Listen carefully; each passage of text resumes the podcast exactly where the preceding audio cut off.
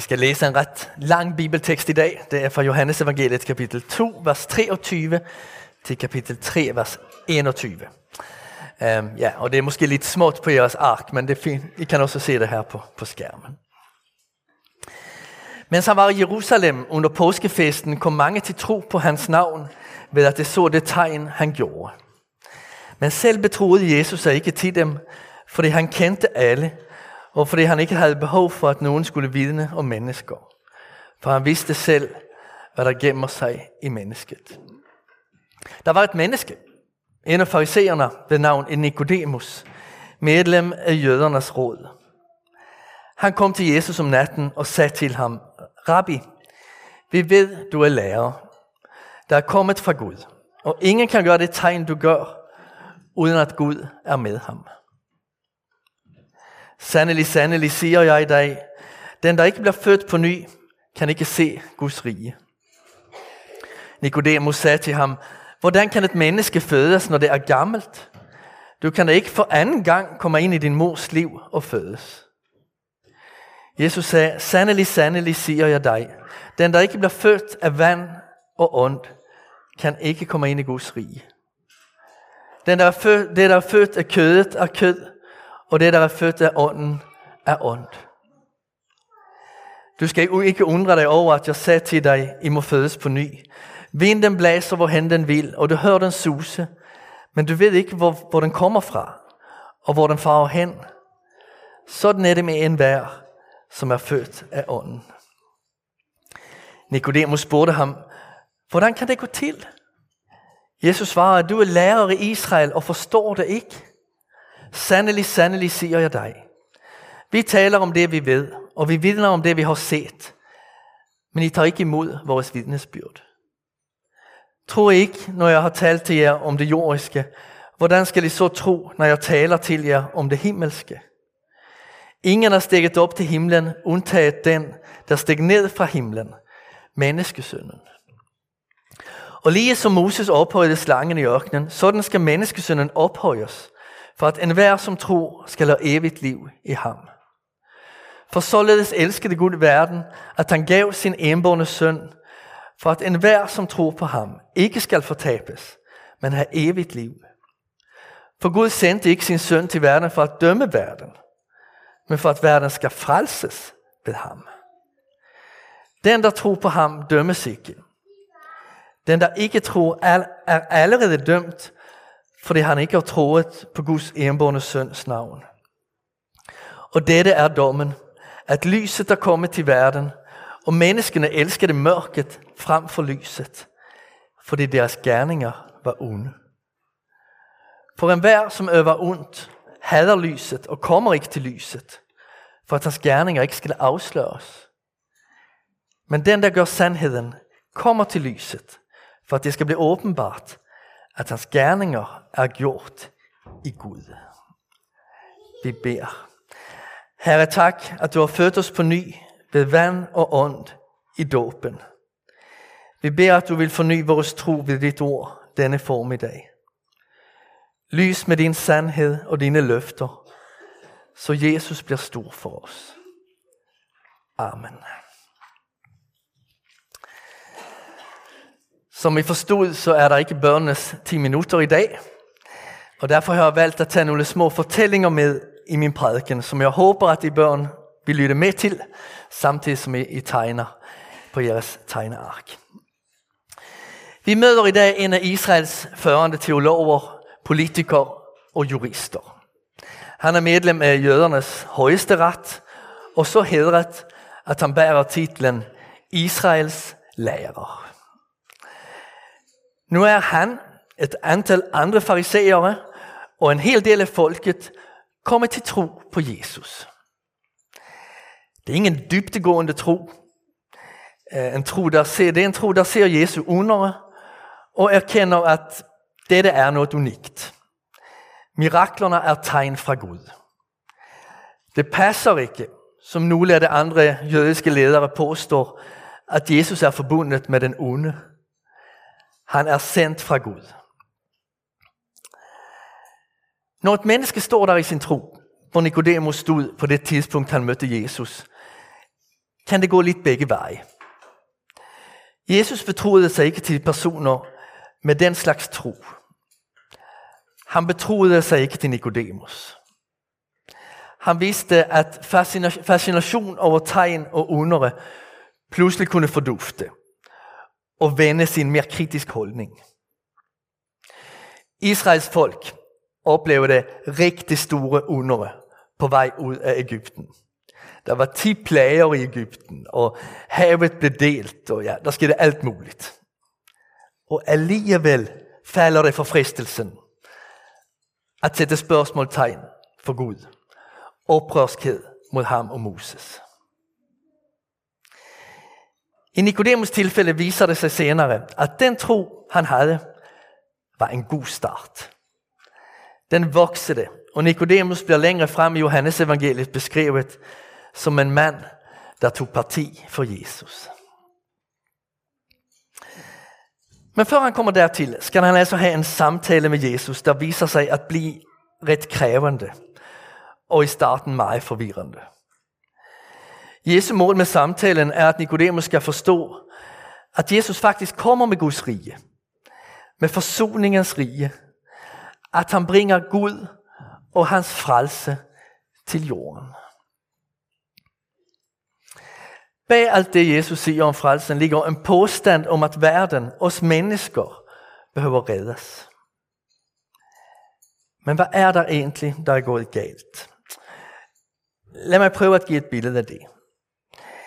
Den dejlige sommerdag. Karoline og Roger spiller tennis. Det går godt. Det nyder det. Og selvom det var længe siden det spillede, viser det sig at være i bedre form, end hvad det troede, begge to. Men så efter knap en times spil, bliver det uvenner om en point. Var bolden indenfor eller udenfor linjen? Det begynder at skændes. Begge er lige stadig, så diskussionen fortsætter. Det kalder hinanden for nogle grimme ting, og kommer til og med op at toppes. Men til sidst lykkes det begge stoppe op og, og spørge sig, hvad det egentlig er i gang med. Det, det blev jo helt galt. Karoline og Roger siger undskyld til hinanden, giver hinanden hånd og gør sig klar til at tage hjem. Men der kommer der en mand løbende frem. Han er meget vred og siger, at sådan kan jeg altså ikke gøre. I kan ikke skændes og slås og så bare sige undskyld. Så let kan jeg altså ikke gøre det for jer. I skylder også mig noget efter denne optræden. Sådan er det let at opfatte Gud. Vi mennesker lever vores liv sammen. Ret ofte går det okay. En gang imellem bliver vi uvenner, men så løser vi det for det meste. Gud er den der irriterende type, der hele tiden blander sig i vores liv, dømmer og giver skyldfølelser. Ja, sådan er det let at opfatte Gud. Men nu fik I faktisk ikke hele fortællingen med. Den starter med en mand, der elsker tennis. Tennis er hans store passion i livet. Han er forretningsmand. Det går godt for ham under flere år. Men han under sig ikke nogen dyre ferier eller biler. Han sparer op til at kunne anlægge en tennisbane der, hvor han bor. Og drømmer om den dag, han kan invitere hele byen til et brag af en indvielsesfest. Når den store dag endelig kommer, har han inviteret de to tidligere verdensstjerner, Roger Federer og Caroline Wozniacki. Og så ender det så her. Gud skabte verden til et paradis. Han investerede hele sig selv i drømmen om mennesket og livet her. Alt var godt. Men hvordan ser det ud nu? Gud er med al ret vred og oprørt, lige som manden, der havde satset på sin indvielsesfest. Efter alt godt han har gjort mod os mennesker, har han ret at forvente, at vi, ligesom han, Gør det, der er godt, og ikke det, der er ondt. Nu kunne man klart tænke, at det måske kunne være okay, at vi gør en del ondt, hvis vi også gør rigtig meget godt. Men nej, det bliver lidt som et barn siger til sine forældre, nu har jeg reddet sengen hver dag i hele ugen, sådan som vi havde aftalt, at jeg skal. Så nu har jeg ret at være ulydig en hel dag. Det har man selvfølgelig ikke. Når vi gør det, der er godt, gør vi kun det, der forventes af os fra Guds side. Vi køber ikke en fribillet til at syne. Minste lille synd betyder, at vi er kommet til kort i forhold til, hvad Gud har ret at forvente fra os. Vi er med andre ord i udgangspunktet fortabt. Vi har ødelagt Guds fest. Dette er den mørke baggrund til Jesu gerning. Den er ret trist at høre om. Men man behøver forstå den for at kunne tage imod det andet, som Jesus siger, som en udstrakt hånd. For det er faktisk lige, hvad det er. Jesus begynder at tale med Nikodemus om at blive født på ny. Men Nikodemus forstår ikke noget af det, så han vælger at starte forfra et andet sted. Og minder Nikodemus om kopperslangen i ørkenen. Der er noget mærkeligt ved den fortælling. Folket straffes for deres oprørskhed mod Gud. Der bliver sendt giftslanger ind i lejren. Det er helt forfærdeligt. Men så bliver der tilbudt redning ved at se på symbolet for ondskaben, en slange i kopper. Hvorfor skal Moses ikke lave et hjerte eller en regnbue, som symboliserer Guds kærlighed og pagt med folket? Hvorfor en slange? Jo, for det er sådan Gud redder menneskeheden. Faderen elsker verden, og verden er jo os alle. Det er også dig og mig. Så meget, at han offrer det fineste, han har. Sin enbårne søn. Jesus bliver vist nok ikke djævelen, men han bliver, som Paulus udtrykker det i 2. Korintherbrev 5, gjort til synd. Gjort til ondskab. Han tager al verdens skyld på sig, sådan at den, der ser på ham, bliver fri fra sin egen skyld.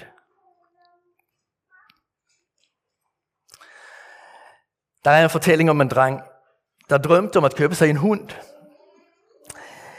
Ikke langt fra hvor han boede, øh, lå der en gård, hvor det solgte hunde og hundeudstyr. Og en dag tog han der ud for at kigge på hundene og få lov at drømme lidt om en valp. Hvad koster hundene? spurgte han ejeren af forretningen, da han havde gået der og kigget lidt. 8.000, svarede manden. 8.000. Suk.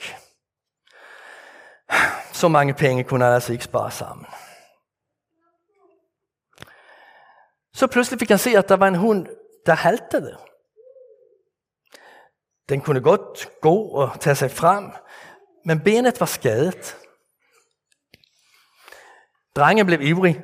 Hvad koster den hund? Hvad koster den hund? Nå, svarede manden i forretningen. Den der haltende hund?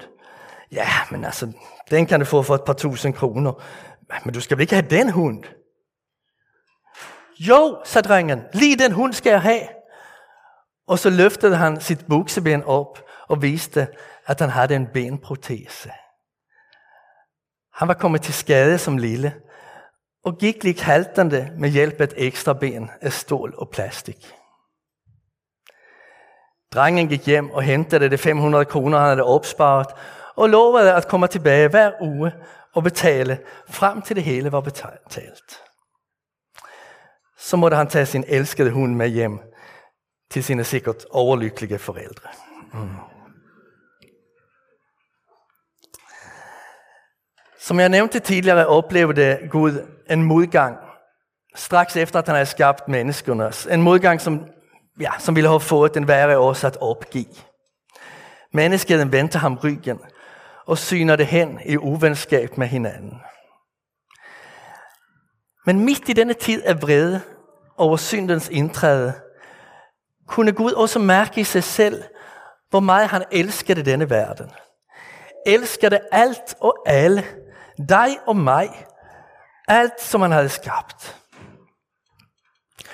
Han kunne ikke leve med, at et eneste menneske skulle være uden hans kærlighed. Så han sendte sin søn til os. Jesus Kristus blev som en af os, tog vores handicap, vores skyld på sig og befriede os fra den. Lige som drengen gjorde med hunden, identificerede Jesus sig med enhver af os. Han kom ikke for at dømme verden til fortabelse. Han kom for at frelse fra synd og fortabelse. For at se det klart og tydeligt, og for at kunne tage imod det, behøver et menneske blive født på ny. Og hvad betyder det? Hvad betyder det ikke? Forestil jer en mand i 40'erne, vi kan kalde ham Thomas. Han arbejder på en gård, laver lidt mad og spiller en del seniorfodbold i den lokale klub. Men en dag siger han til sig selv, altså hvad skete der egentlig her? Det var ikke det, jeg drømte om. Jeg drømte om at blive professionel fodboldspiller og tage plads i Manchester United. Nå, tænker han videre. Måske er det alligevel ikke for sent. Jeg skulle måske bare prøve at få fat i ham, der træneren, Ralf Rangnick, og spørge, om jeg ikke må komme med til en træning. Han er tysker, har jeg forstået. Det er ikke Alex længere, det er en Ralf. Ja, ja. Det, her, det vil aldrig ske i Alex tid, men måske her i Ralfs tid. For mod alle odds så lykkedes det Thomas faktisk at få fat i Ralf. Og øh, Ralf synes, at Thomas profil lyder interessant. Han har nogle rutiner, som holdet måske kunne have glæde af.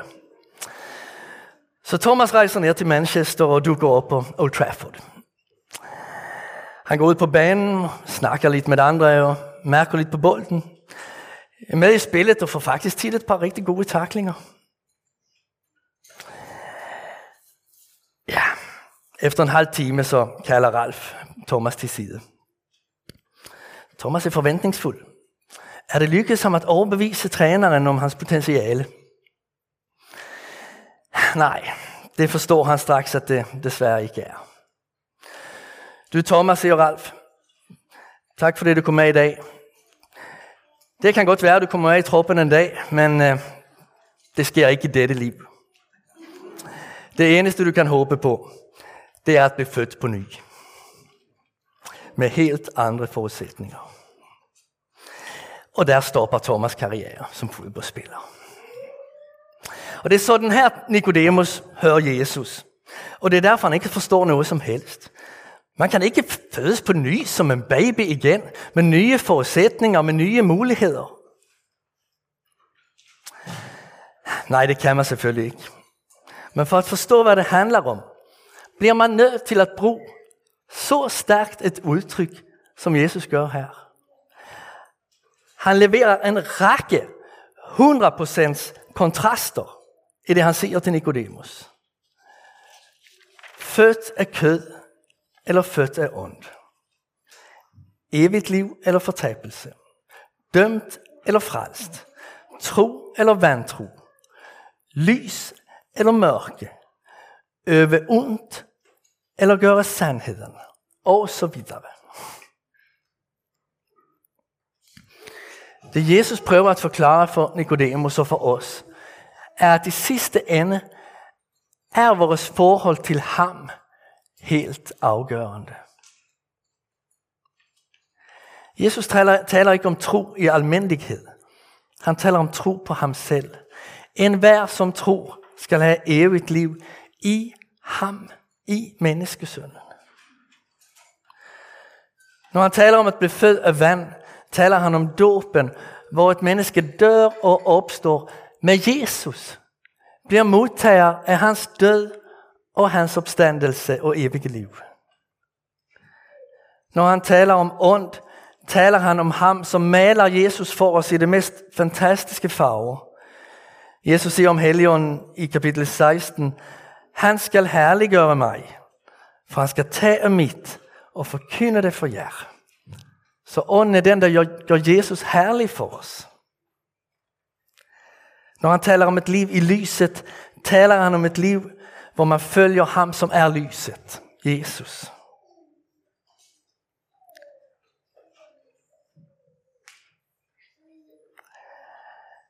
Og kontrasten er den, der afviser Jesus og elsker mørket.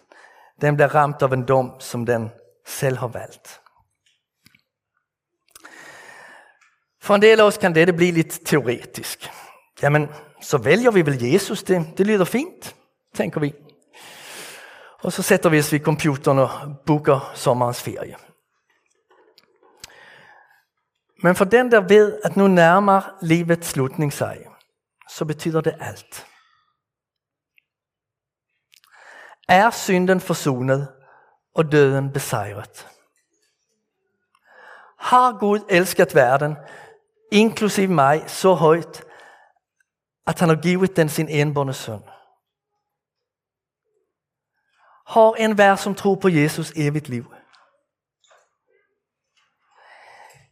I vores hjerter bliver der aldrig rigtig fred. Der lever uroen og tvivlen. Men på troens grund har vi fred med Gud. Uanset vores følelser og hvordan vi oplever det. Kristus er vores fred. Amen.